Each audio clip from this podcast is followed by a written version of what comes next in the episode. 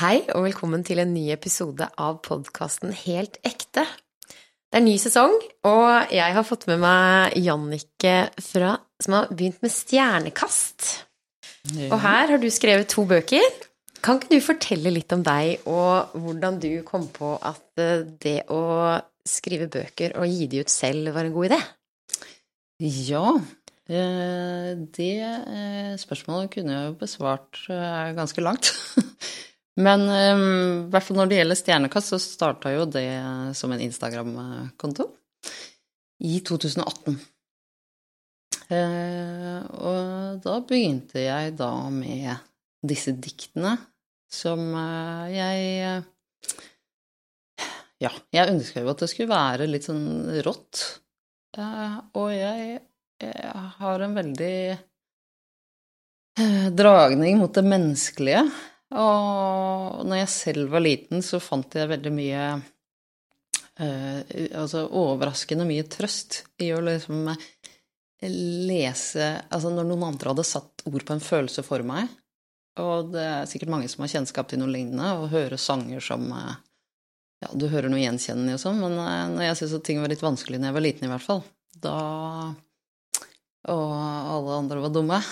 Eh, da var det mye trøst i ja, alt som var godt sagt, egentlig. Både dikt og eh, sitater og andre små snutter, eventuelt, som jeg syns var eh, kloke eller på annen måte hadde noe viktig i seg, da.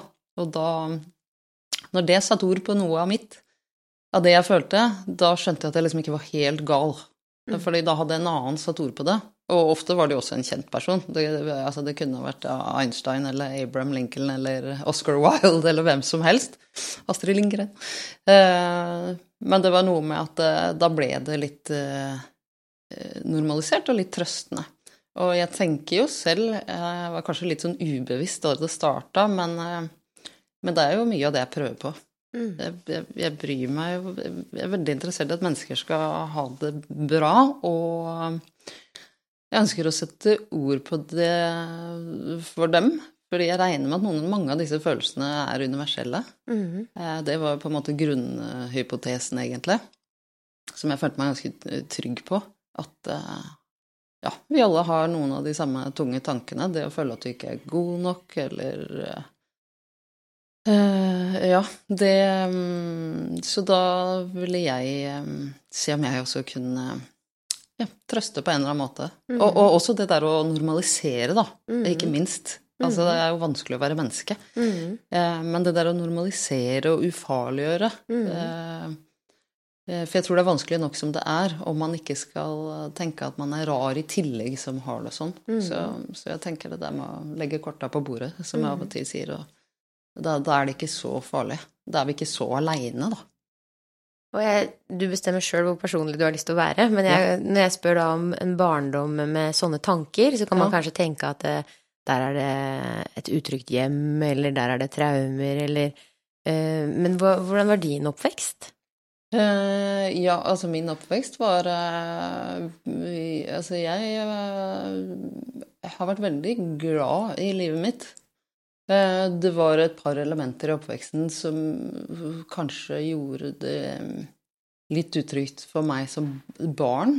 Eh, uten at jeg skal gå lenger inn på det. Og, og, kanskje kjente vel kanskje Altså, jeg var veldig sosial etter hvert og hadde sosiale verktøyer og sånn, så jeg var ikke noe jeg, jeg, var så heldig at jeg aldri har vært utenfor eller mobba eller Tvert imot. Jeg har vært veldig heldig og hatt gode venner og drev med idrett veldig tidlig, som, og etter hvert på høyt nivå, eller på et seriøst nivå, da. Så var alltid en del av noe, hatt veldig, veldig mye godt, så mange ting jeg er takknemlig for. Men det var, var kanskje noen aspekter eh, som gjorde ting av og til litt utrygt sånn eh, som, som, liten. Og da var det vel kanskje Eh, da var det nok ganske Det var jo da det var trøstende mm. eh, å, å, ha noen eh, Ha noen som sa disse kloke tingene, da. Sånn at du fikk eh, balansert det. Sånn at du ikke var alene om det innerste. Eh, og når det er sagt, så er det jo mange som er alene om det innerste. Mm. Også når man har det godt, holdt jeg på å si. For det er jo mange mennesker som har det godt uh, også når de er små, i den forstand at det er mye som er på plass.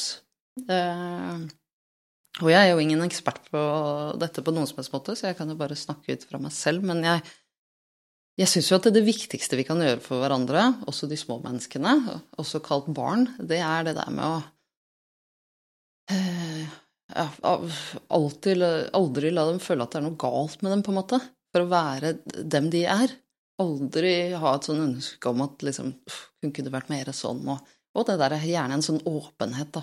Ta imot, uh, ta imot Ta imot følelsene, snakk om det og prøv å gjøre det normalt fra start. Sånn at det ikke blir en svær greie man må gå med helt aleine. Og jeg syns det er kjempespennende med barndom. Fordi vi er så opptatt av disse vanlige traumene som vi kaller omsorgssvikt og seksuelt overgrep. Mm. Og disse er liksom anerkjente traumer som unnskylder at man har disse tankene og følelsene om at man bærer sår, og mm. man har på en, måte, en god grunn til å selvskade seg, da, fordi mm. man ikke har det, mm. har det, bra når man blir voksen. Mm. Mens uh, så er jeg også veldig opptatt av psykologi, og så følger en som heter Holistic Psychologist, mm. som og så snakker de om å vokse opp med foreldre mm. med sår på sjelen. Ja. med foreldre som har prøvd å være gode nok. Mm. Foreldre som prøver å finne en posisjon sosialt. Og det mm. vi ser, som du sier, de små menneskene og de store menneskene, barn og voksne, mm. de er jo bare noen som prøver å passe inn mm. i eh, et sosialt eh, spill, da, ja. i større eller mindre grad. Ja og som er større eller mer eller mindre usikre, tror jeg. Mm. Og, og, når man da blir voksen, så bruker man de samme verktøyene man har lært fra mm. man er barn, mm. og så ser man ikke dette utenfra hvor kanskje dysfunksjonelt det er. Og så skaper man utrygge barn som prøver å tilpasse seg og regulere følelsene sine etter hva som er sosialt akseptert. Så, så, det jeg syns du gjør så fint, er at du går inn til hva som da er menneskelig, og mm. det alle bærer på når de prøver da å se at nå er det ikke greit å gråte, fordi da blir alle rundt meg stressa. Mm. Eller 'jeg kan ikke bli sint', for da blir de sintere. Mm. Og de har større makt enn meg, for de er større. Mm. Og det å liksom regulere dette her som man lærer som barn, som vi tar mm. med oss til vi er voksne, mm. og så eh, blir det dysfunksjonelt. Ja. så, ja. ja. ja. det er jo noe Altså, det fins jo ikke et menneske som ikke har såkalte sår på sjelen, tenker jeg. Altså, det kommer litt an på hvordan man definerer det, da. Men hvis man eh, hvis det kun er alvorlig omsorgssvikt og, og, og, disse tingene vi snakker om, så, så, blir det jo en helt annen sak. Men på en eller annen måte så har jo alle hatt foreldre med sår. Mm -hmm. Og sånn har det jo sikkert uh, alltid vært. Ja. Så det er jo ikke noe, er ikke noe altså Jeg tror ikke det fins noe perfeksjon her. Og det er også det jeg sier til meg selv som forelder. Eh, men, men, jeg tenker når så, så man må bare og da selvfølgelig vil man ha, sånn som du sier, tenker jeg, da, altså diverse blindsoner og en del ubevisste ting. For én ting er de sårene du vet om, men en annen ting er de andre som du ikke vet om at du har engang. Eh, men jeg tenker at um, Ja, det å være redd for det menneskelige Og det tror jeg mange er. Og det, det er jo ikke deres skyld. Eh, og det er kanskje det som Altså, vi, vi kjemper så hardt for å unngå å innrømme at vi er menneskelige.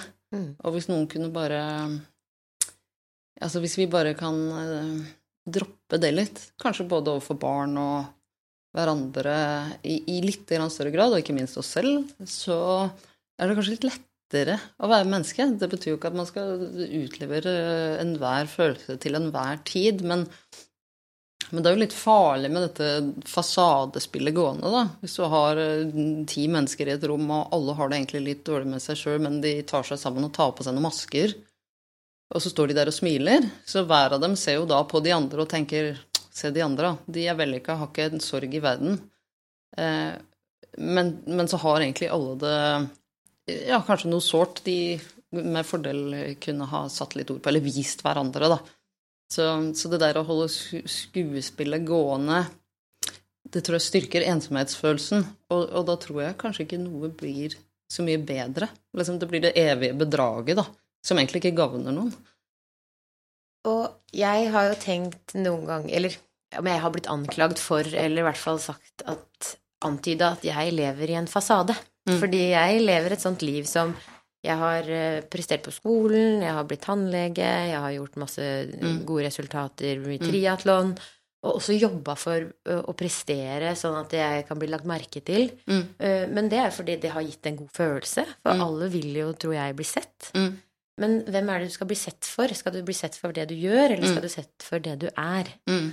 Og, og igjen, når jeg har blitt litt mer bevisst da, på hvorfor man gjør ting, og kjent at det, Mm. ja, det gjør meg kanskje ikke eh, lykkeligere av å gjøre mer, eller eh, prestere bedre, eller tjene mer, men hva er det da som Mm. gjør at man skal få det bedre? Mm. Og, og etter hvert som jeg har tenkt mye og kanskje justert litt, og egentlig ikke så justert så mye på hva jeg gjør, men hvorfor jeg gjør det til, er at jeg er mer bevisst. Mm. Og så snakker jeg jo mye om det her. Og så er det mange av gamle venner og familie som har vært litt sånn men du har jo aldri hatt det så dårlig. Mm. Du har jo alltid hatt det bra.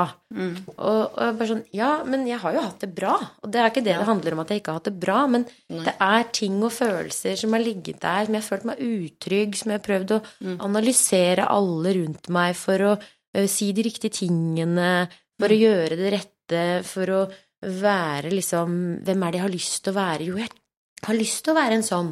Så strekker man seg for det man kan. Mm. Men så er det sånn derre Hva er da fasade? Er det for at man skal være en del av en fasade?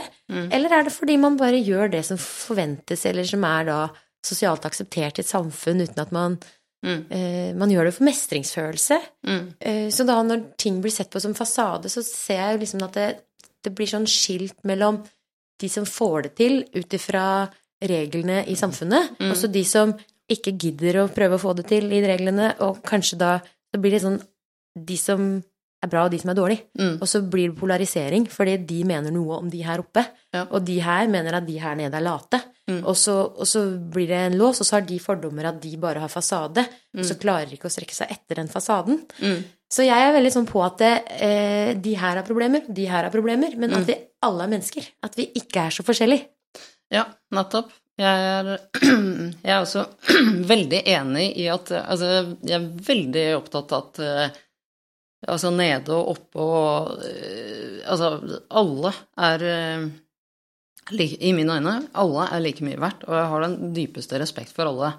Og eh, om ikke man blir dødsklok når man blir eldre, så blir man jo Man føler at man forstår litt mer nå enn for 20 år siden. Og om 20 år så syns jeg sikkert det er kjempesmart. Men eh, Ja, jeg tenker at det er farlig, i hvert fall med det derre Hvis man tenker de der, det som du snakker om, det på toppen og fasade. Altså, jo mer jeg ser at Jo mer jeg ser et menneske som er opptatt av fasade, altså hvor du, hvor du liksom bare værer at eh, mye av identiteten ligger i det, da, jo mer forstår jeg, eller tenker jeg at jeg forstår, da, jo mer får jeg en følelse av en, en slags utrygghet i mennesket, da. Mm. Eh, og, og det mener jeg ikke på en stygg måte. Det, det har jeg stor medfølelse for, men det er liksom det inntrykket man får hvis man lener seg så mye på det. Eh, da tenker jeg det kanskje er fordi man ja, ikke har våget helt, eller ikke har vært i omgivelser, eller har helt evna å eh, finne seg sjæl, holdt jeg på å si, eller finne en trygghet der inne også. Og det har jeg tenkt en del på, det med altså jeg, tenk, jeg, jeg, jeg tenker det handler om når har jeg det bra? Eller at hvert menneske tenker det. Når har jeg det bra? Fordi når alt kommer til alt, og jeg skrev for litt, siden en sånn tekst om hva det er folk angrer på når, når de ligger på dødsleiet. Og, og nummer eh, Den, den, den, den angeren som, som, gikk igjen aller hyppigst, det var eh, de skulle ønske de hadde vært mer tro mot seg selv. Eh, og at man hadde våget å liksom leve li det livet man selv trengte og ønska, og tatt de valgene istedenfor å prøve å gjøre noen andre til laks. Og, og det må være veldig smertefullt eh, på slutten av historien din, når du vet at nå, nå, nå er den historien brukt opp. Jeg får ikke et nytt forsøk. Eh, det, det, var dumt at jeg brukte tiden på å danse etter andres pipe, holdt jeg på å si, eller hva jeg trodde de ville, eller Uh, og det syns jeg For meg er det veldig viktig informasjon. Mm. Um, så jeg har uh, Jeg har veldig stor respekt for mennesker som uh, fremstår helt ekte i den forstand at de kanskje ikke er så veldig opptatt av hva andre måtte mene, men at de er frie nok til å Ja, ikke gå mot strømmen bare for å gå mot den, men, øh, men, men, for å være tro mot seg selv, da. Eh, og ikke så utenfrastyrt. Og det tror jeg er veien eh, jeg, jeg tror jo det er veien til en slags frihetsfølelse og uh, kanskje en viss lykkefølelse i livet. Mm. At du um, ikke lenger er avhengig av det. Mm. Og det er aldri for sent å nå den friheten, tror jeg. Aldri. Eh, mm. Jeg er litt opptatt av at jeg gjør dette nå, og føler den friheten nå. Mm. Og mamma og jeg har hatt en veldig sånn snakk om hvorfor vi har blitt de personene vi har blitt, og, Mm. og disse tingene. Så det har jo vært en sånn reise der jeg løsriver meg litt. Mm. Eh, så det er jo ikke bare lett for mamma heller. Så å se at det, når hun sier 'Å, det får jeg dårlig samvittighet for', bare Ja, men øh, det kan du ikke ha.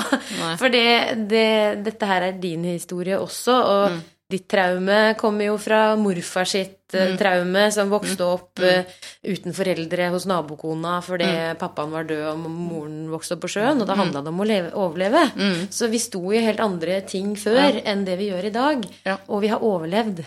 Ja. Og, og det der med å, å finne uh, hva som var liksom bærekraftig, da. Da måtte man være tøff Ja. og, og komme seg opp fram og kanskje snakke om andre og posisjonere seg. Og, og den der kritikken og kanskje ikke like mye respekt for andre som, som man ikke tenkte over før. Mm. Eh, som vi nå gjør, fordi vi vet så mye mer. Vi har kommet lenger. Ja, det er jeg helt uh, enig i. Altså, det er veldig viktig at eh, man ikke skal føle skyld, på en måte, for måten man håndterte ting på. Både som kanskje barn og som forelder og Men det som høres veldig fint ut med det du sier om moren din, er jo at eh, Hva skal jeg si Hun setter seg ned og lytter til deg og snakker med deg om det. Og er jo åpen om hva hun føler at nå får jeg dårlig samvittighet, og du sier det trenger du ikke ha. Og det høres ut som en veldig fin eh, dynamikk, da. Eh, Men det er veldig viktig. Altså man, man gjør sånn som du sier, man gjør det man eh, må for å overleve. Og det skal man jo aldri eh, føle noe skam og skyld knytta til, tenker jeg. Altså at man, hvor mye man har i verktøykassa når det gjelder av hva skal vi si, menneskelig redskap og selvinnsikt, det, det er ikke alltid et valg. Men, men den gode tingen, tenker jeg, er at det, på en måte finnes det alltid muligheter, da for vekst, eh, tror jeg. Mm. Hvis man har et ønske om det. Hvis man ikke har et ønske om det, så, så trenger man jo absolutt ikke det. Men det er jo mye mer i mennesker. Vi, vi har jo alle en sårbarhet. Og spørsmålet er hvor stengt er døra di. Det er jo ikke sånn at noen er, eh, noen er alltid på topp og tenker alltid at de er gode nok. Og, men mange har jo lukka den døra av nødvendige grunner. Eh, og av og til setter den kanskje på gløtt hvis de kanskje møter de rette menneskene, eksempel, eller leser den rette teksten. Men um, Så man skal, jo ikke, man skal jo ikke tvinge de dørene å åpne for noen. Det er jo ikke et mål i seg selv, men det er jo hvis menneskene syns det kunne ha vært berikende, da. Mm. Jeg, jeg tror at hvis man klarer å skape en nysgjerrighet, jeg. Mm. Og jeg, vi, jeg syns du skrev en veldig, veldig fin tekst om eh, mobbing. Og når vi snakker om usikkerhet eh, fra mødre til barn, og jeg som forelder også, som på en måte har eh, sett sønnen min i en skolesetting, og så har jeg vært et sånt konkurransemenneske alltid, der jeg har sett sønnen min som sånn men han skal jo Hei, førstemann, har jeg tenkt, og så sier jeg liksom 'Førstemann ditt, og du skal være god på det', liksom. Selv om jeg ikke har egentlig sagt det, så har, jeg, har det ligget under der som et sånn derre ønske. Mm. Og så har jeg tatt meg i det, og så har jeg sånn Ja, men jeg gjør jo det som på en måte er feil med samfunnet. jeg, jeg lever det videre. Mm. Uh, og det klarte jeg vel ikke. Jeg, jeg tok meg i det noen ganger i enkeltsituasjoner når jeg hadde sagt førstemann. Mm. Og, og det blei krangel om fordi da var det jo krangel om hvem som vant, og de ville ikke løpe fordi jeg hadde sagt førstemann. Og bare, Ja. My bad. Ja. Men, men når man hele tiden ubevisst gjør disse tingene som dyrker denne prestasjonskulturen vi er en del av, så går vi jo ikke videre. Nei. Mens hvis man da klarer å se seg selv, og Mm. vi fikk en fantastisk da familieterapeut som viste alle disse gode sidene ved sønnen vår, som kanskje ikke passer så godt inn i skolen, Mm. eller vår da samme tanke om hva som er å være vellykka. og så blir sånn utrolig bevisst på uh, hvem han er. Ja. Og så ser man seg selv litt utenfra, og da vet jo jeg at jeg har gjort mye av de tingene som kanskje kan føre til utenforskap, fordi man indirekte søker eh, mennesker som gjør oss trygg, og det er Mm. de som kanskje da er vellykka igjen. Mm. Mm. Eller hva man sier om andre. Kan ikke, kan ikke du lese det diktet, og, eller teksten, eller hva er det du kaller det? Uh, ja, det er jo uh, De har jo blitt kallende stjernekast, disse diktene. Ja. Altså ett stjernekast. Eh, så Men du tenker på den med mobbing, ikke sant? Ja. Ja. Da skal jeg lese den. Ikke mobb, lille barn, selv om vi voksne slenger aldri så mye dritt om naboene over middagsbordet. Ikke mobb, lille barn, selv om vi voksne er blodtørstige, primitive, duste og personhetsete i kommentarfeltet. Ikke mobb, lille barn, selv om vi voksne kommenterer utseendet på mennesker høylytt, negativt og ofte. Ikke mobb, lille barn, selv om du ser oss voksne logger av glede hver gang vi kan bringe saftig sladder videre. ja. Ja. Og det er mange som eh, jeg opplever som er veldig sånn i, i ord, at eh, selvfølgelig jobber vi for å ikke mobbe. Mm. Mens så er det en eh, veldig god psykolog som sa en gang at hvis du peker med pekefinger og peker på alle andre, Mm. så er det alltid tre fingre som peker tilbake. Mm. Så hvis vi klarer hele tiden å leve det, å Mm. leve og Mm. prøve å gjøre noe med seg sjøl først, Mm. eh, så vil det kanskje smitte over på andre og se at ja, men hun har det bra, hva er det hun gjør? Mm. Og, jeg har et stort forbilde i en eh, veldig god venninne av meg, eh, Marianne, som aldri sier noe negativt om noen. Mm. Og det har på en måte vært da også i samtaler der jeg også har følt at jeg ikke sier så veldig mye negativt om noen, men kanskje har vært frustrert og følt at det har vært Og så har hun klart å parere med at ja, men da passa det kanskje ikke så bra, eller Mm. eh, Ikke at det handla om den personen, men det var kanskje matchen, eller Mm. Og hun var ikke så interessert i å høre om det. Og så har jeg blitt sånn ah, Mm. ja, nei, hvorfor har jeg behov for å si noe nedsettende om andre? Ja. Og da igjen ser jeg hva er det som gjør at vi har behov for å si noe nedsettende om andre? Ja, Og det tror jeg igjen har med utrygghet å gjøre. Mm. Fordi man skal sikre seg selv i, i det å hevde seg med noen man kan få en meningsfelle med at ah, men da er jeg i hvert fall trygg her. Mm. Selv om den fikk meg til å føle meg litt utrygg. Mm. Ja, og det blir jo eh, Ja, nå er det jo bare noen refleksjoner og synsing fra min side, men, men mitt inntrykk er jo definitivt at det ligger frykt og utrygghet, som du sier, bak. Og, og jeg er også eh, Jeg har også en tendens til å eh, si, forsvare mennesker, eller se etter det Se etter det gode. Eller jeg pleier, å, jeg pleier å si at man må liksom dra godvilja fram.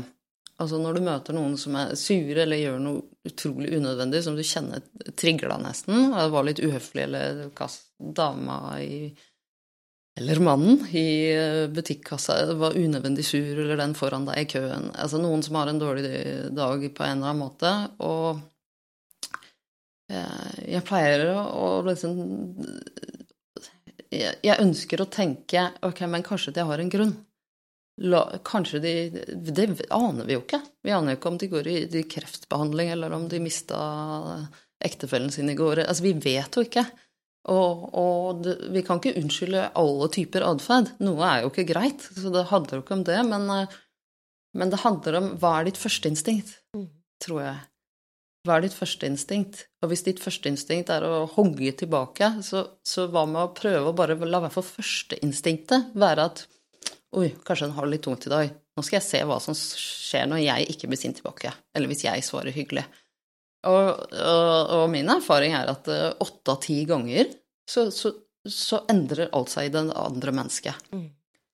Eh, Så hvis vi har liksom overskudd til det eh, Det er ikke alltid vi har overskudd til det selv, for kanskje vi har en dårlig dag, men de gangene vi har det, da, og den rausheten er der, så kan vi på en måte slukke den brannen før den har begynt. Mm. Um, Istedenfor å hva skal vi si, gå i forsvar og motangrep. Uh, så, og det er jo et sitat jeg ofte gjengir uh, på min konto. Det er Robin Williams, han skuespilleren, som sa Everyone you meet is fighting a battle you know nothing about. be kind always. og det går jo litt på det. Det betyr ikke at vi skal akseptere alt eller tilgi alt, men, men, men, det er veldig fint hvis vi legger det inn, i hvert fall. I, inn i, på radaren. Mm. Sånn, husk at det kan være noe mer her. Mm. Um, og, og, ja, og du vet jo aldri Kanskje du gjør det mennesket sin dag bedre, og kanskje det mennesket går videre og gjør noen annen sin dag bedre. Så det er i hvert fall førsteresponsen, da. For å, ja, hvis førsteresponsen ikke er tolke alltid verste mening, så får man jo heller se etter det. hvis du er kjempegrei og det bare fortsatt kommer eh, dritt tilbake, eh, da er det jo Da kan man jo konkludere annerledes, men eh, det er i hvert fall verdt et sånn førsteforsøk, mm. tenker jeg. Og jeg ser jo ofte som behandler, og det at jeg eh, møter jo folk som er redde og mm. frustrerte, og handler ofte om utrygghet når de kommer inn og har en veldig, veldig vanskelig mm, for å stole på noen, da. Mm. Det er ofte de som er veldig redde for tannlegen. De har vært utsatt for forferdelig historie. Mm. Uh, kan ikke stole på noen, verken tillitspersoner eller behandlere eller noen ting. Så kommer inn og så har hatt et veldig dårlig førsteinntrykk, kanskje vært uheldig med en mm. kommentar fra noen mm. ute i resepsjonen kommer inn gråtende og har en sånn barriere av Her er det null håp om mm. å bygge en relasjon. Mm. Opplevde jeg ganske nylig. Mm. Og da er det sånn Og istedenfor å si sånn at jeg blir redd, noe som mm. jeg ville gjort før, for da mm. tenker jeg jeg var forsinka. Selvfølgelig har jeg bare brutt all tillit, og her er det null håp om å redde. Så bare møte med forståelse at vet du hva, det forstår jeg. Mm. Eh, for her er det sånn at jeg har lest din historie, og dette her er dine problemer. Mm. Og, og, her kommer vi på en måte og bekrefter det mm. du er mest redd for. Mm. Og, og, allerede der så har jeg på en måte møtt den personen med at ja, sånn er det faktisk. Mm. Ja. og, og, så bare ja. Mm. Men sånn var det nå, da. Hva kan vi gjøre for å gå videre med det dumme som har skjedd? Hvordan kan jeg da øh, prøve å hjelpe deg likevel. Mm. Og så være åpen at det, det handler ikke om meg som mm. behandler. Det handler mm. om deg som sitter her og trenger min profesjonelle hjelp. Mm. Og, og, det fra å da være en sånn helt inneslutta, fortvilt gråt til å gå ut smilende og føle at det er håp om å få hjelp likevel. Mm. Og da tenker jeg at da har jeg skjønt et eller annet da, i ja. mennesket. Og jeg tror ja. at det er så universelt, det der med å være menneske, mm. med å bli forstått med det du har inni deg, mm. og, og, bli respektert for din neste historie, og at du også fortjener å få hjelp. Mm. Eh, og, og hvis vi klarer å og, det er ikke så lett i, i hverdagslivet og alt der, mm. men hvis vi klarer, i hvert fall som behandlere, da, både mm. leger og, og, psykologer og tannleger og alle som er profesjonelle personer, og klarer mm. å være litt mer medmennesker og legge oss selv og vår historie og våre personlighetsstiler litt til side, mm. så kan vi møte og hjelpe mm. det, der det trengs. Ja. Jeg er helt, eh, jeg er helt enig. Og det er jo, altså vi har mange roller, og vi har mange funksjoner, og det er jo på en måte noen drakter vi ikler oss. Men fellesnevneren for alle er jo at det er mennesker eh, bak. Så jeg tror du har veldig rett at i enhver situasjon eh, så er det menneskelig gjeldende. Og tannlegeeksempler er jo veldig, veldig gode eksempler. Altså der er det jo mange som er redde, helt konkret. Så um, det har nok masse å si å bare bli Få et visst gehør for det. Mm. Og det, det høres jo Jeg er jo veldig opptatt av det enkle. Og ikke, ikke nødvendigvis det banale, men, men eh, det enkle. Altså det tydelige. Det kan jo ligge mye avansert tenking bak, men, men hvordan kan vi si det enkelt og tydelig? Mm. Uh, og, og, jeg tror det der um, I mangel av et bedre uttrykk, så det der å få anerkjent følelsene våre mm. Og du trenger ikke ja, noen som forstår det i hjel, men vi, la oss si vi alle går rundt og tenker at vi er bitte litt rare. Vi er bitte litt rare. Det er rart, jeg, det er rart av meg å føle sånn nå. Det er, det er noe gærent med meg. Altså, Vi, vi syns alle vi er litt rare, og så bruker vi masse tid på å skjule det og virke normale. Men uh, når, når vi liksom da møter noen som sier det skjønner jeg, jeg skjønner at du føler sånn. Det er det samme som å si nesten du har tillatelse fra meg Ja. til å føle sånn. Det er, det er greit, liksom. Og det, det tror jeg betyr så mye. Ja. Og det tror jeg betyr utrolig mye for barn. Uh, og også voksne. Mm. Men uh, jeg tror man kommer veldig langt, og det er, uh, det, det er nesten sånn Det burde alle som er foreldre teste ut. Det der, eh, fordi vi har et sånt instinkt om å hjelpe til, ikke sant, å Mhm. løse problemer. Eh, og vi gjør alle masse såkalte feil som foreldre, men eh, det er det rom for, har jeg hørt. Ja. Men, eh, men det, der med å, det der med å minne seg selv på at eh, ikke, ikke løs det hele tiden, Nei. bare ta imot. Ja. Eh, hvis eh, åtteåringen er lei seg og snakker om en eller annen intrige som du som voksen tenker eh, åh, det er jo det er jo ikke et problem i det hele tatt, liksom. Ja, men det var sikkert bare fordi at det Og uten at du vet det, så kan du plutselig forsvare motstanderen hennes. Ja, men hun mente sikkert ikke det, vet du. Eller noe sånn. Så, men eh, det er veldig Det er nesten litt sånn gøy å eksperimentere og se hva som skjer når du sier Bare legger deg på en måte helt flat og sier Du følte deg lei deg da, ja? Ja, det, det skjønner jeg. Hva mer kjente du inni deg da, liksom? Uten å komme med en løsning i det hele tatt. Da, da faller de ofte til ro ganske fort. Og det var liksom nok, det. Du trengte ikke å fikse problemet. Du trengte bare å være der og på en måte ta imot den følelsen. Så, så det er ikke sånn at det er svaret på alt, men eh, det er jo svaret på overraskende mye, holdt jeg på å si, for et menneske. Fordi da, da, da slipper det barnet å gå alene med den følelsen og tenke at det, det var så unormalt, da. Så, så igjen er det den derre normaliseringen. Jeg, tenker det verste, jeg tror det verste som kan skje for oss mennesker, er å få inntrykk av at eh, noen andre sier at det var feil, og det var rart, og du burde ha vært litt annerledes, du burde ha vært en annen. For vi er jo dem vi er. Mm. Eh, Jo mer vi får følelsen at det er greit, og også til tider elskbart, jo, jo bedre tror jeg vi har det. Jeg har også veldig god erfaring med å bare spørre ut om følelsen. Mm. Og, og roe og si at det, det er greit å, å ha det sånn.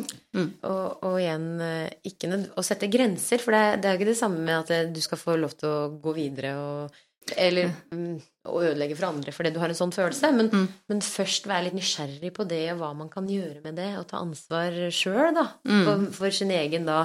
Mm. Eh, Men hva kan, kan du gjøre noe med den andre? Mm. Og ikke forsvare den andre, men Mm. kan du gjøre noe med det den andre har sagt eller gjort? Mm. Eller hvordan kan du forholde deg til det?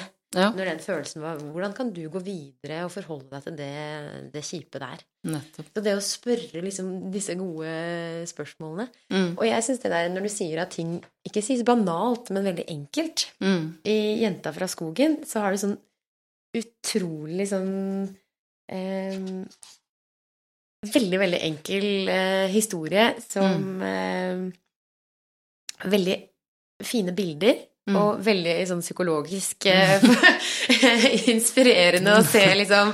Og det derre hvordan du har sagt at det er en fabel, og hvordan eh, er det musa som kommer og er livet? Mm. Og, og hvordan den bare passerer, men den, du klarer ikke å holde på den fordi Mm. du ikke har forstått det. Mm.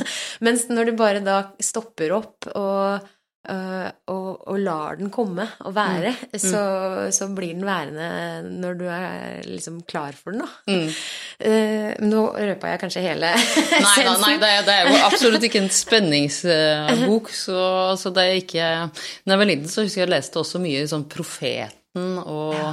Alkymisten og sånne ting som jeg syntes var sånn kloke, da, og Ja. som for meg var veldig sånn dype, nærmest, når Ja. jeg var barn.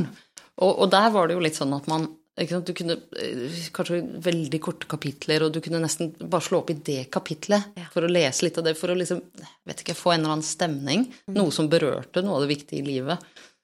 Uh, Så eh, ja, nå skal jeg jo ikke sammenligne meg selv med Profeten akkurat, men, eller denne boka med det, men, men det er liksom noe, av, noe, noe av det konseptet, så det er jo ikke en uh, historie for um, hvor det er enormt mye ytre handling, men det er liksom litt dette eventyrlige, og, og ikke minst få tatt de der eh, viktige tingene i livet og, og belyst på forhåpentligvis en eh, enkel måte utad.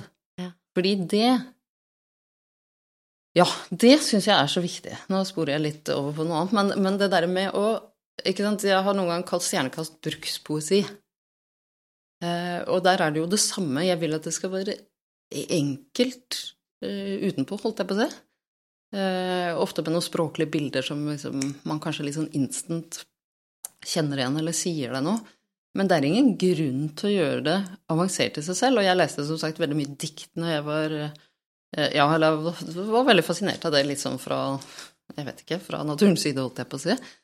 Eh, og kjenner til mange ulike måter å dikte på og forme for Og har skrevet mye, mange ulike former selv også, men men det, det, skal jo komme noen til nytte. Det er jeg veldig opptatt av. Alle mennesker til nytte. Det skal ikke bare komme noen kultursnobber til nytte, eller Altså, det, det, skal komme Det skal kunne brukes, og det skal være tilgjengelig for mennesket. Det er kanskje noe av det viktigste, og kanskje noe av det største jeg har opplevd med Stjernekast, er det derre brede spekteret i publikummet, som er Eh, ja, hva skal vi si, kommer fra ulike kriker og kroker av eh, Norge eh, og samfunnet på alle mulige måter. Og, og at alle altså, Eller at de, av de som har lest det, at de føler at det snakker til dem. At man ikke gjør ting så komplisert. Det syns jeg er veldig viktig. Det syns jeg også er viktig med altså, poesi og kultur og det er ikke sånn at, For meg er det ikke sånn at jo mer kringlete og kronglete noe fremstår, jo bedre må det nødvendigvis være. Fordi hvem skal da bruke det til noe? Hvem skal da bruke det til noe? Skal det bare være noe sånn fint man setter på en pidestall som, som ikke har noen effekt? Uh, og det er det sterkeste jeg har opplevd med Stjernekast. Det er uten tvil de tilbakemeldingene jeg får fra mennesker.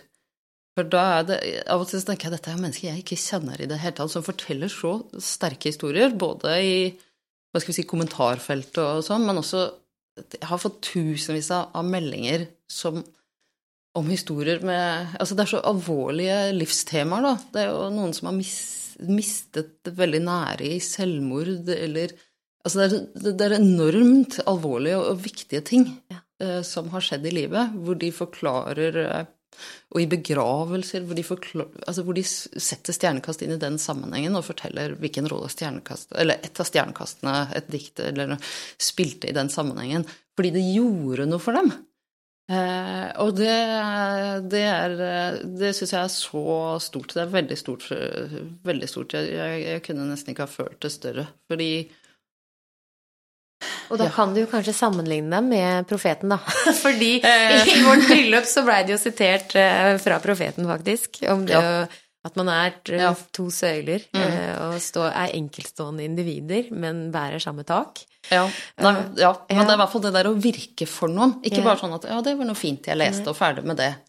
Men liksom hvordan det hjalp der og da. Ja. Eh, at det faktisk gjorde noe. Det syns jeg er noe av det viktigste eh, ja, ord kan gjøre. For meg er det i hvert fall det største. Og så er det det der med kunst. Igjen, eh, jeg snakker mye om prestasjonskultur, fordi jeg på en måte føler at jeg har vært slått av og dytta inn i bare en sånn um, Der jeg har følt at når du sier det å, å gå mot strømmen og, mm. og, gjøre det du vil sjøl, mm. så har jeg vært veldig nysgjerrig på det alltid, fordi jeg vet jo ikke hva jeg vil. Nei. Jeg vet jo ikke hva jeg vil noe annet enn gå på skolen, jeg vil jo være mm. flink, ikke sant. Man mm. vil jo noe. Mm. Ja, for meg så er jo det Men så har jeg vært veldig nysgjerrig på de som eh, ikke er så opptatt av hva andre mener om en. Fordi jo, for meg så er det jo Jeg vil jo at folk skal like meg. Mm. Jeg vil jo være en sånn person som kan være med alle og og det, så da har jeg alltid vært så nysgjerrig på hva det betyr. Mm. Men etter hvert som jeg ser Og jeg har også hatt en filosof her som spør når er du fri? Mm. Og, det er, og, det har vi snakka veldig mye om med, med korona, og, og, hva i Norge i dag så burde vi jo kunne være fri. Men likevel så så jeg da at det å faktisk komme med ytringer mm. som kunne være så upopulære at mm. du blei hetsa like mye som om det å være jøde under andre verdenskrig mm. fordi mm. du var vaksinemotstander, da kjente jeg at det er ikke frihet. Mm. Så det å faktisk komme med ytringer, selv om jeg er uenig, mm. men det er en ytring, at du blir polariserte ytringer, og at mm. man ikke har respekt for andres mm. ytringer, og være nysgjerrig på hva den andre kan mene som mm. er så forskjellig fra min egen, mitt eget ståsted. Mm.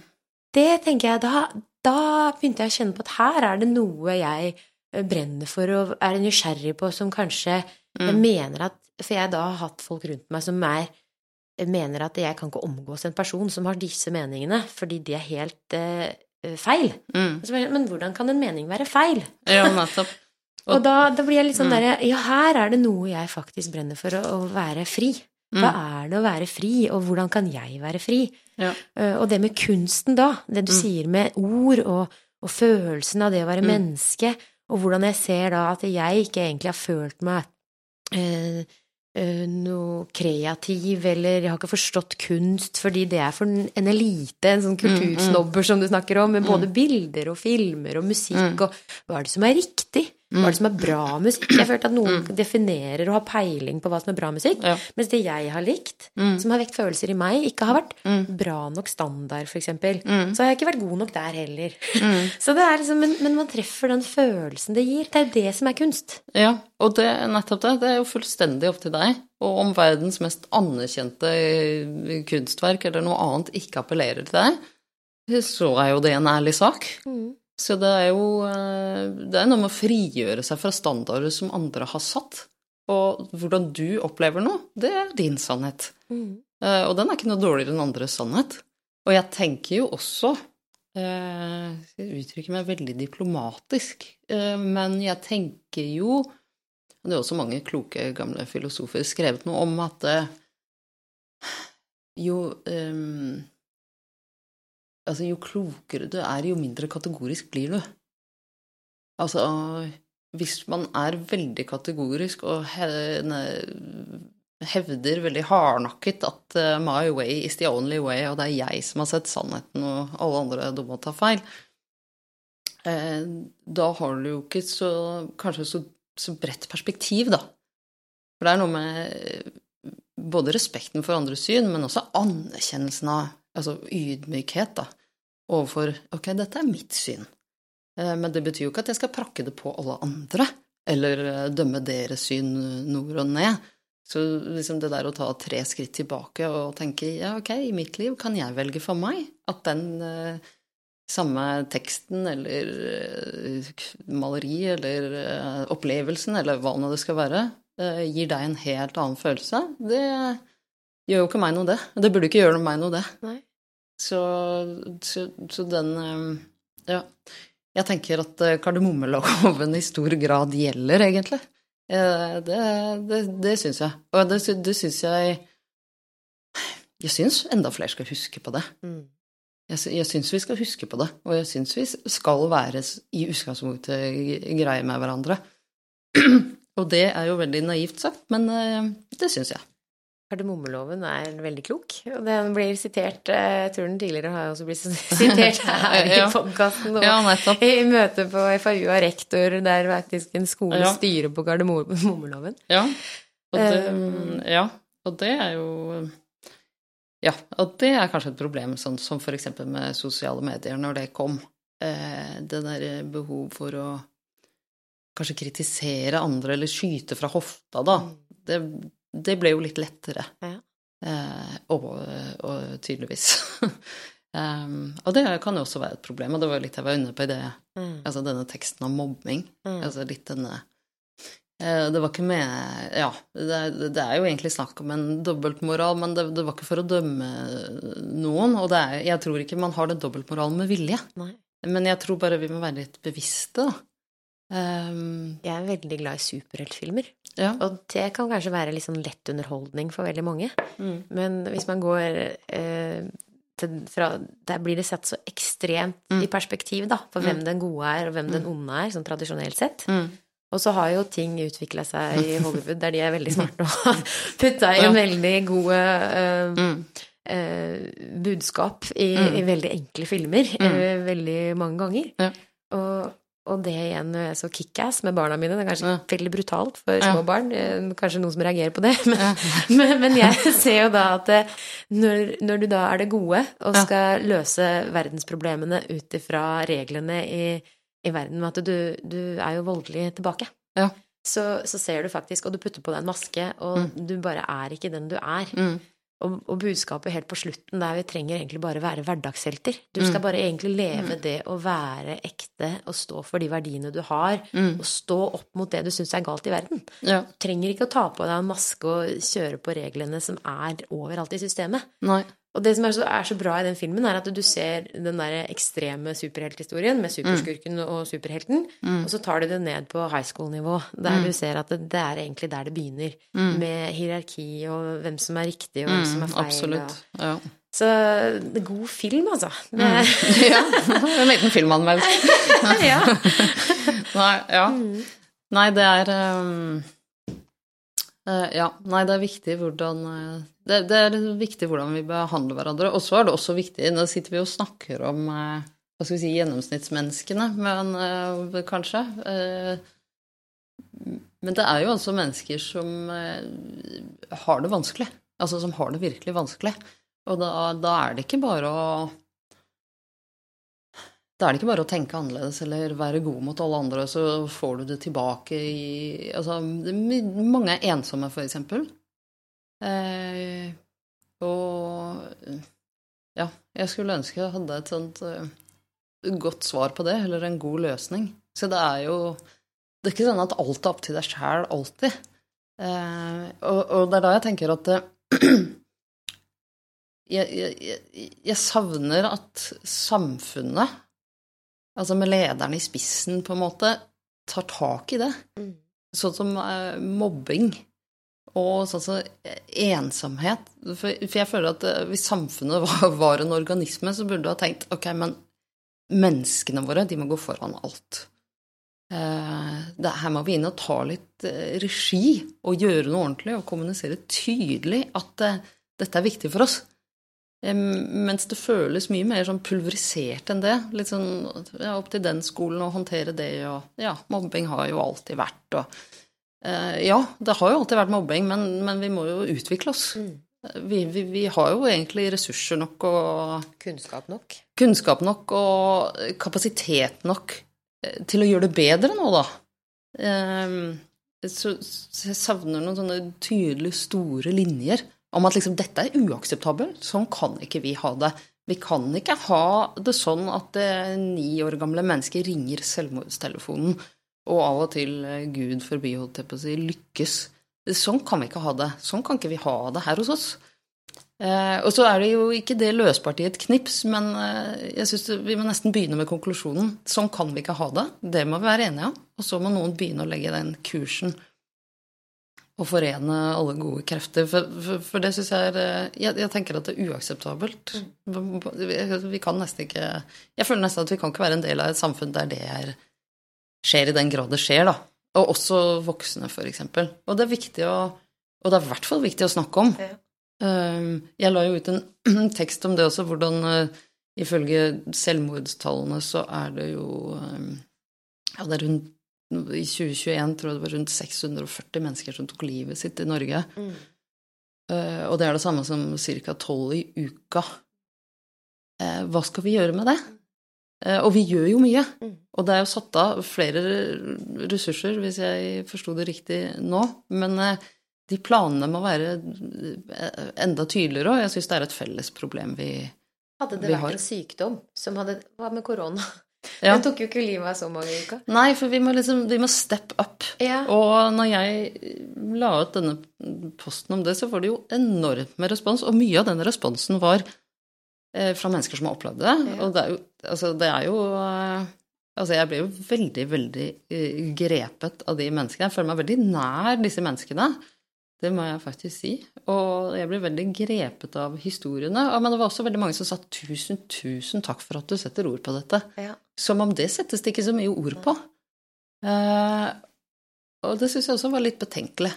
For det, det, er så, det, er jo ikke så, skummelt å sette ord på det.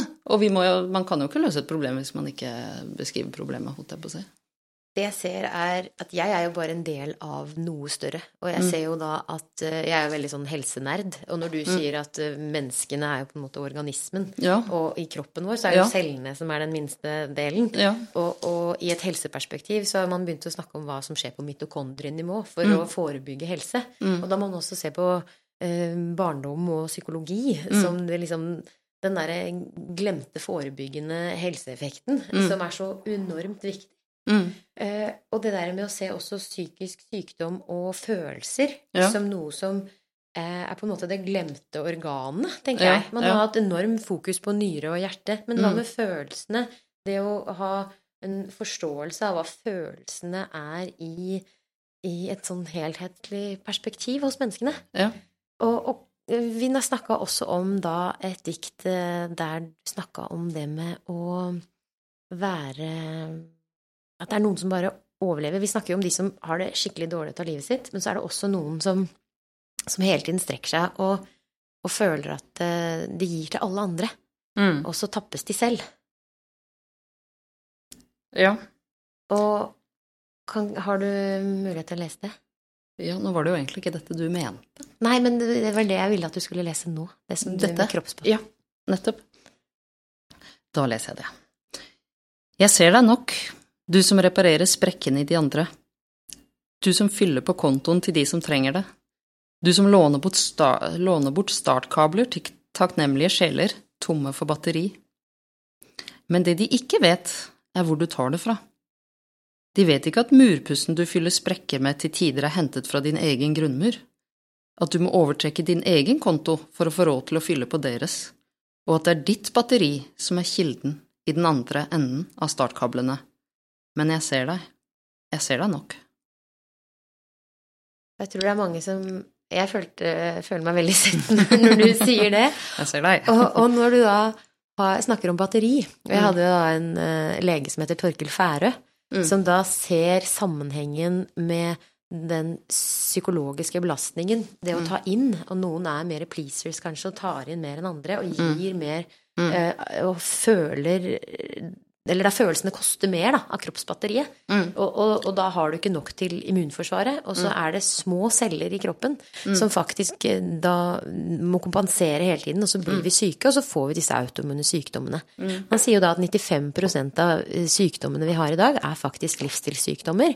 Og følelsene, stress og, og traumer og belastning på eh, nervesystemet som følge av det, er jo da kjent å være faktisk da en ganske stor medvirkende årsak.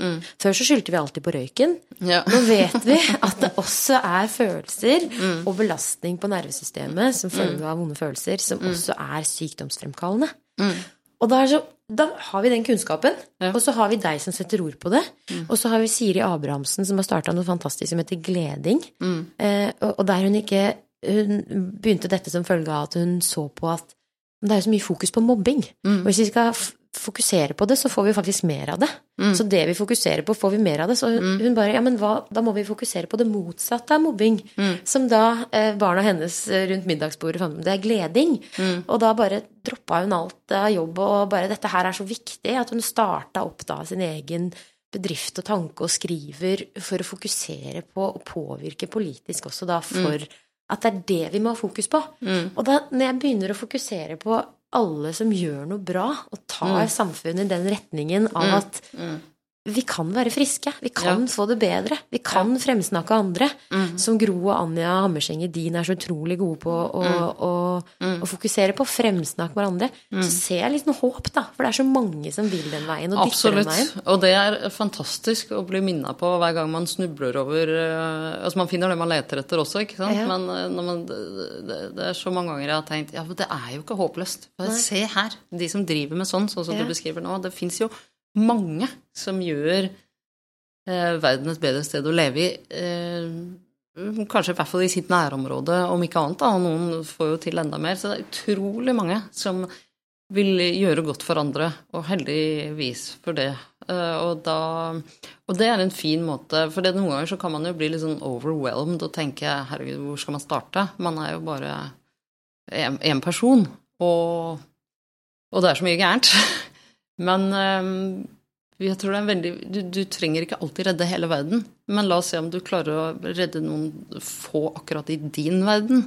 Så det er jo litt sånn som Gandhi sa. Han sa du må jo selv være den endringen du ønsker å se i verden. Så Be the change. Ja, ikke sant. Be the change. Så mm, alle monner drar, da. Ja. Eh, og la oss si man ja, jobba for at eh, bare, bare det at eh, ett barn hadde bedre, er jo enormt mye. Eller ett menneske, for den saks skyld. Så man må ikke Det at man ikke kan gjøre noe for alle, må aldri stoppe deg å gjøre noe for noen. Og det sitatet med at uh, ingen kan hjelpe alle, men alle kan hjelpe én.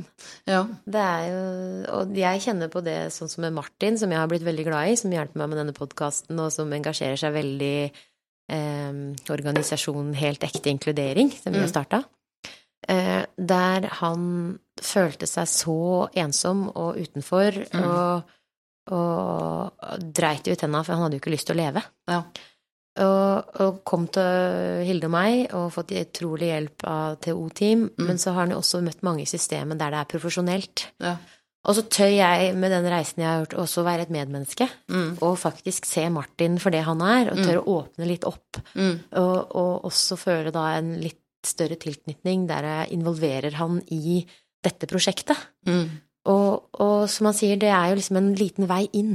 Mm. Det med å få en liten vei inn i innenforskap ved at én tør å involvere. Mm. Istedenfor at jeg skal være redd for at noen skal spise opp meg og min tid. For man skal jo sette grenser for seg og alt det der. Mm. Men, men det å bare Jeg respekterer hans eh, følelser og frihet og liv og hans grenser, og han respekterer mine. Så det er ikke så skummelt, selv om det er liksom eh, pasient, tannlege. Det er liksom beyond det. Det handler om å være medmenneske og Ja. hjelpe de man har mulighet til å hjelpe innenfor visse grenser, da. Ja, absolutt. Og det, det er eh, Og det er Man skal glede seg over alt som er eh, godt. Det må, det må man aldri mindregjøre. Man må ikke være sånn Ja, men det skulle ha vært enda mer. Altså, de som gjør noe godt, det er fantastisk. Mm. Men, men jeg savner det litt fra samfunnets side, som sagt. Ja. Litt sånn eh, Ja, for vi er jo vi, vi- skal jo være et fellesskap i Norge. Ja. Men dette med lange ventetider i psykiatrien og nedbygging i psykiatrien, og når vi vet det vi vet, når vi har de tallene vi, eh, vi har, og eh, ja, disse, disse, disse køene med noen som eh, Hva var det som fortalte meg det? Det var i hvert fall Ja, altså om suicidale mennesker som får beskjed om at uh, komme tilbake om tre måneder. eh, det, da syns jeg ikke vi har rigga oss godt nok, eh, gitt at man syns at menneskene er viktigst. Mm. Og det er jo heller ikke godt for samfunnet at eh, eh, eh, At vi hva skal jeg si mister mm. At mennesker går dukken eh, mentalt. Så vi burde liksom Vi skal være et fellesskap, men akkurat her føler jeg at det er litt sånn eh, ja, om ikke every man for himself, så, så systemet klarer jo ikke å hjelpe mange nok. Og det, det og, og det er stadig kloke stemmer, og også fagekspertise, som er framme og sier noe om det. Eh, Men jeg savner jo oppfølgingen av det. Mm. Uh, Og da er det sånn, hva er den største institusjonen der alle lærer spillereglene i Norge? Ja, Hva er det? det er skolen. Og igjen, sånn som eh, når Siri da, Abrahamsen i Gleding går inn og fokuserer, så er du akkurat på disse verdiene som Hva er det viktigste? Er det at du er god i matte og skal konkurrere da i en fremtidig jobb der matte er viktig? Mm. Og, og matte er jo den høye standarden som uh, gjør at du har et konkurransefortrinn. Hva med de som ikke er gode i matte og interessert i matte fra naturens side? Mm. Da er du på en måte allerede bak i køen, da. Fra Ja. du er liten. Og hvis man heller da hadde sett på deg som er interessert i mennesker, Mm. i ord, i, i, i følelser, eh, og at det også på en måte blir sett på som en verdi i skolen, Mm. og at det med følelseskompetanse, det med filosofi, Mm. eh, menneskeverd Ja. eh, De har tatt det inn i læreplanen sånn som det er i dag. De fokuserer på det. Men i tillegg til alt annet. Ja. Og det er gjerne ikke det som gir karakterene heller. Det er bare liksom Nei, nettopp. Og da blir det litt sånn Ja, man tok det inn. Altså folkehelse og livsmestring. Ja. Og det står der. Ja. Men er det læreren som skal gjøre det òg, da? Og jeg, dette, jeg har tenkt mye på for, altså, Fordi jeg grubler jo nesten hva er den magiske oppskriften, som selvfølgelig ikke finnes, men for å, for å få slutt på mobbing Fordi, Og jeg tenker, da har jeg tenkt at mobbing eh, Ja, mobbing og mobbing, jeg vet ikke om vi snart bør finne et bedre begrep. Altså mobbing, de som aktivt mobber og gjør hverdagen til et annet barn til et helvete med onde handlinger og, og altså rent sånn eksplisitt atferd som er forferdelig. Det kvalifiserer kanskje til mobbing, men vi har jo mye et annet problem også som eh, Og det er jo dette med utenforskap. Er det mobbing, eller er det ikke mobbing? Det er jo for så vidt samme hvilken merkelapp man setter på det, men poenget er at konsekvensen av det er en form for lidelse øh, blant barn. Eh, og jeg tenker at øh, barn Man kan ikke alltid bebreide barna for at noen andre er utenfor. For deres hjerner fungerer ikke så godt ennå at de Kanskje de aldri har plaga noen i hele sitt liv. De har bare ikke vært oppmerksom på at uh, den der borte får aldri være med, den. Mm. Så det er ikke sånn aktiv mobbing på samme måte, men de, det er noen som aldri er med på noe. Mm. Uh, og vi ser også uh, hvordan russefeiringen er nå, som man jo nesten Altså der, da snakker vi om 18-åringer eh, som vi kunne ha håpa hadde kommet litt lenger, men hvor det er eh, ja, eh, auditions, og hvor du får vite at nei, du besto dessverre ikke, så du får ikke være med på, dette, på denne bussen, eller Altså, det, det er noen sånn enorm hardhet der som eh, jo kan sette dype spor, og det skjer jo Det skjer jo på en måte på vår vakt, og vi, vi, vi lar det bare skje. Og det er jo, Jeg leste i et kommentarfelt at vi kan ikke klage på russen. De spiller jo bare etter spillereglene som er i samfunnet ellers. Ja, bare på en enklere måte som tydeliggjør, da. Akkurat ja. som en superheltfilm. Ja. For ja. der, blir det så tydelig. Det blir sånn fluenes herre. Der ja, bare blir mennesker Den sterkestes rett. Ja. Eh, og det er så elementært i mennesket at når vi spiller på den Så hvis ikke vi tar ansvar som en mm. samfunn, da, med at Nettopp. spillereglene er litt annerledes mm. Det handler om Eh, å kanskje ha læringsfokus mm. fremfor prestasjonsfokus. Ja. Det å kanskje være nysgjerrig på å lære og finne ut av hva er det du kan bidra med mest for fellesskapet, sånn at du skal ha det bra og ja. prestere og bidra med det du er god på. Ja, og, og jeg, ja, nettopp. Og jeg tenker sånn som du var inne på i stad, med skolen. Jeg er enig i at det er øh, Jeg er enig i at det er det desidert viktigste arenaen for det der eh, Fordi man må jo nå mennesker tidlig. Uh, og én ting er det faglige. Man, de går jo på skolen for å lære noe faglig også. Uh, og det er jo derfor lærerne er der. Og det sier veldig mange lærere som gjør en enorm innsats. Og sikkert tar seg av veldig mye mer enn det faglige, for å si det mildt. Men, men dersom vi mener alvor med folkehelse og livsmestring, eller hva vi nå skal kalle det, det som jeg egentlig kaller disse mennesketingene, da, så kan man jo ikke bare sette inn nok et lite punkt på lærerens eh, to do-list. Da burde man jo Man kan ikke si at noe er viktig, og så ikke bevilge Da må man også bevilge tilsvarende ressurser til det. Mm. Så jeg tenker jo at hvis man er Og det nye undersøkelser nå viser jo at eh, mobbingen går oppover. Flere føler, har det dårlig med det. Og jeg kan ikke forstå at man da ikke Dette er en utfordring til alle politikere. Men altså, man burde jo ta det på alvor ved å bevilge ressurser til det. Kanskje hver skole burde ha et mobbeombud eller en eh, ja, eh, livsmestrings eh, Et livsmestringsteam. Altså som, som tar seg av alt dette andre. Som jobber aktivt for menneskedelen av det som tross alt er det viktigste. Ja. Det er viktigere hvordan de små menneskene har det, og vi, hva slags type voksne de blir, enn hvilken karakter de fikk i matte.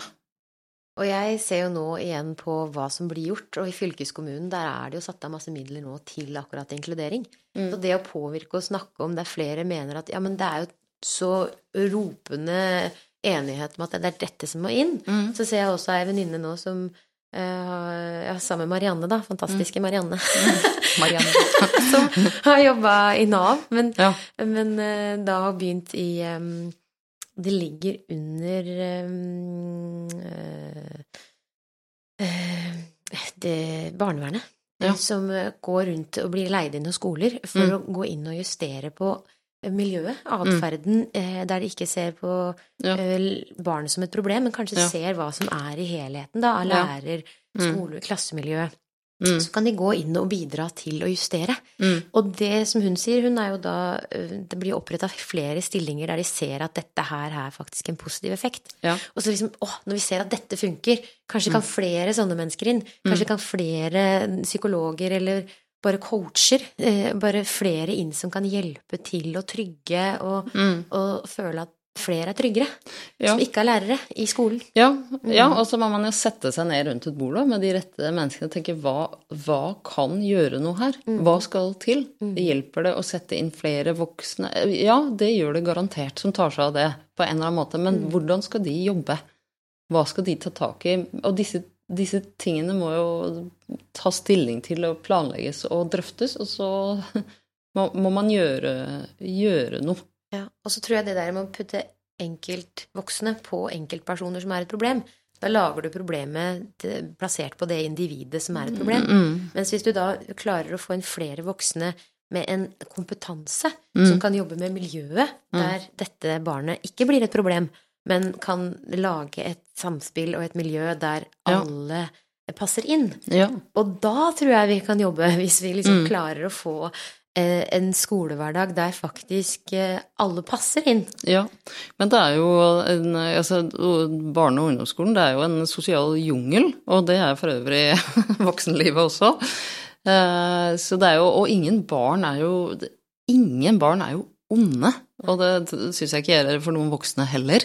Så det er jo ikke sånn at de er et problem i den forstand, men de, de prøver jo å finne ut av ting, de òg. Men de trenger jo tydeligvis eh, litt mer hjelp og støtte enn de får i dag, hvis vi ønsker å lage litt bedre minisamfunn da, på disse skolene. Og det er jo absolutt i samfunnets interesse, Mm. på, på alle mulige måter. Um, Og igjen så snakker jeg jo med en uh, filosof som har skrevet 'Skolens omsorgssvikt'. Mm. Og det høres jo veldig dramatisk ut, men, uh, men den er en veldig god bok som argumenterer og ramser opp og blir litt sånn ah, jøss, du har jo et, faktisk et poeng, selv om det høres veldig ekstremt ut. mm. Så Men jeg tror ressurs, ressurs, ressurs, ressurser eh, i hvert fall er et stikkord. Ja. Fordi lærere, de eh, tror jeg har fått stadig mer å gjøre også administrativt. Og det er jo det faglige Altså, de tror jeg gjør en fantastisk innsats, men de kan ikke gjøre alt dette også, selv om de skulle ha evnene til det. For det, det trengs jo mer. Så det må være grenser for hva man skal forvente av enkeltindivider. mm, så tror jeg alle må få lov til å gjøre jobben sin, at man skal ha respekt for at de skal kunne gjøre jobben sin godt nok. Og Mm. det kan man ikke gjøre hvis man både skal være sosialarbeider, eh, mamma som skal passe på hva de har på klær, og at de skal dusje og vaske klærne sine, og i tillegg lære den i matte. Så jeg tror at vi må, må ha Mm. flere og respektere at lærerne skal kunne gjøre jobben sin. Mm. Og der tror jeg det er den der delte greia, da. Hva er systemet? Og jeg tror noe så innmari, akkurat som cellene er en del av kroppen, så er menneskene en del av systemet. Mm. Og at eh, det å ta vare på mennesker, at også alle enkeltmennesker kan se litt sånn inn i seg selv med hvordan kan jeg være bra for andre? Men Mm. samtidig da tror jeg at det kan man bare være hvis man eh, er bra mot seg selv først. Ja. At man også tar vare på, på sin egen eh, Vet hva som skal til for at en sjøl skal ha det bra, da. Mm. Hvordan er det med deg? Har du vært god til å ta vare på deg? Eh, ikke alltid. Eh, jeg tenker at jeg er ganske god nå. Eh, en sånn bevisstgjøring blir litt sånn Ja, hva skal vi si? Det er jo en reise. Det er, også jeg, det er sikkert derfor også Jenta fra skogen er på en slags reise. Jeg ser jo egentlig for meg at vi alle er på en reise i oss sjøl, eller ja, også i livet. Så eh, Og det er jo noen ting man nesten ikke har, i hvert fall ikke jeg, hadde sjanse til å være bevisst på når jeg var 20. Eh, og vi lærer jo mens vi går. Så, men, men det er jo Det syns jeg er veldig behagelig å lære Altså bli friere og friere. Mm. Eh, jeg har, jeg har og, og ja, i hvert fall så lenge jeg kan huske, har jeg ment at man skal være god Mm. um, mot dem man møter på sin vei. Uh, men dette med å ta vare på seg selv også, og så må man jo være Og ikke la andre definere Eller ikke være så avhengig av hva andre tenker og mener om det. Det, det oppleves jo som en stor eh, trygghet.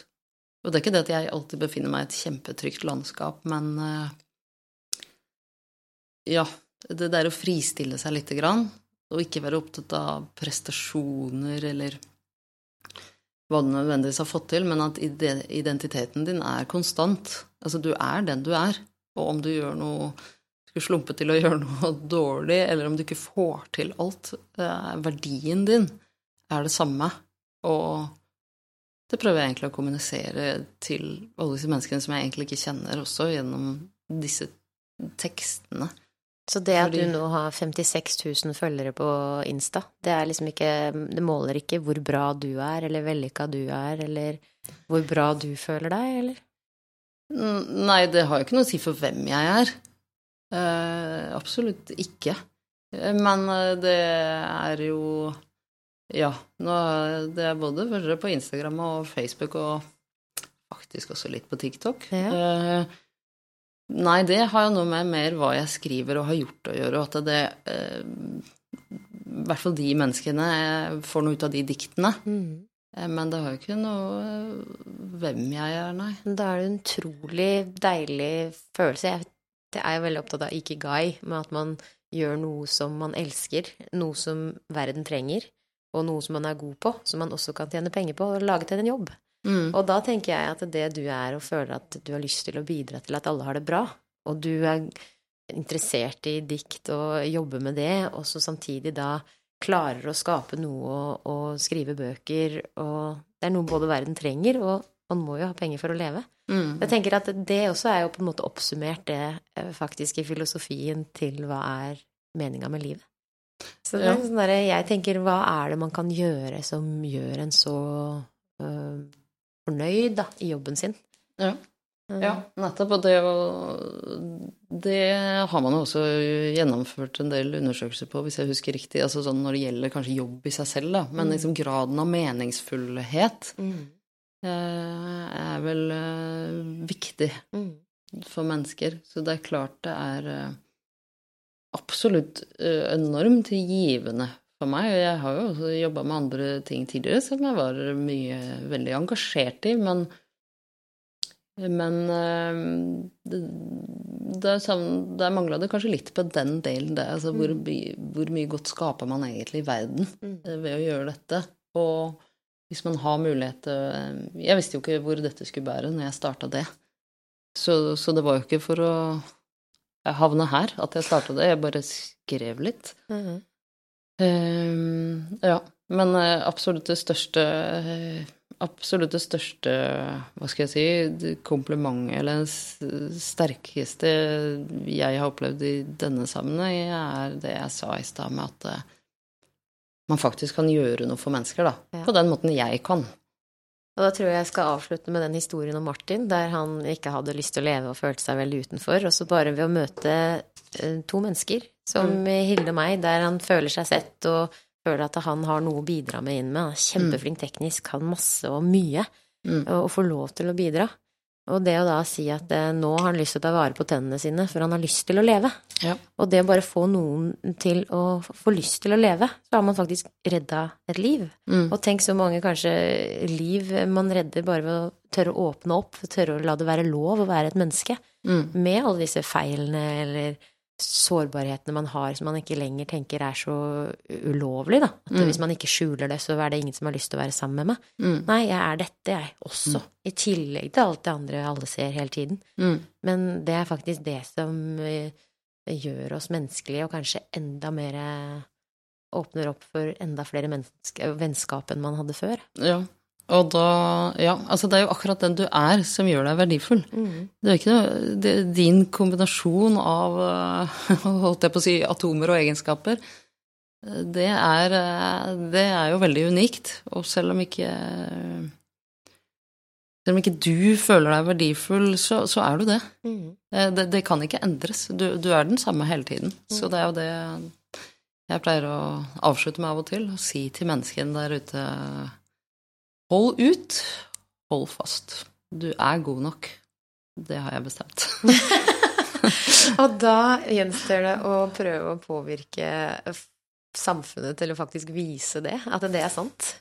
Og at vi er gode nok, og vi kan bidra med det vi har. Ja. Og at vi kan være de menneskene vi er, Mm, uten å bli feilkjent. Og, absolutt. Det er, eh, ingen av oss er noe bedre enn den andre. Nei. Så det må vi bare vise korta våre. Men tusen takk, Jannike Langford, for at du ville komme i podkasten og eh, ha den første episoden av denne sesongen. Ja, tusen takk for Så- eh, invitasjonen. Ja, Det var veldig hyggelig. Stjernekast. Ja. Takk for nå. Ha det godt. bra.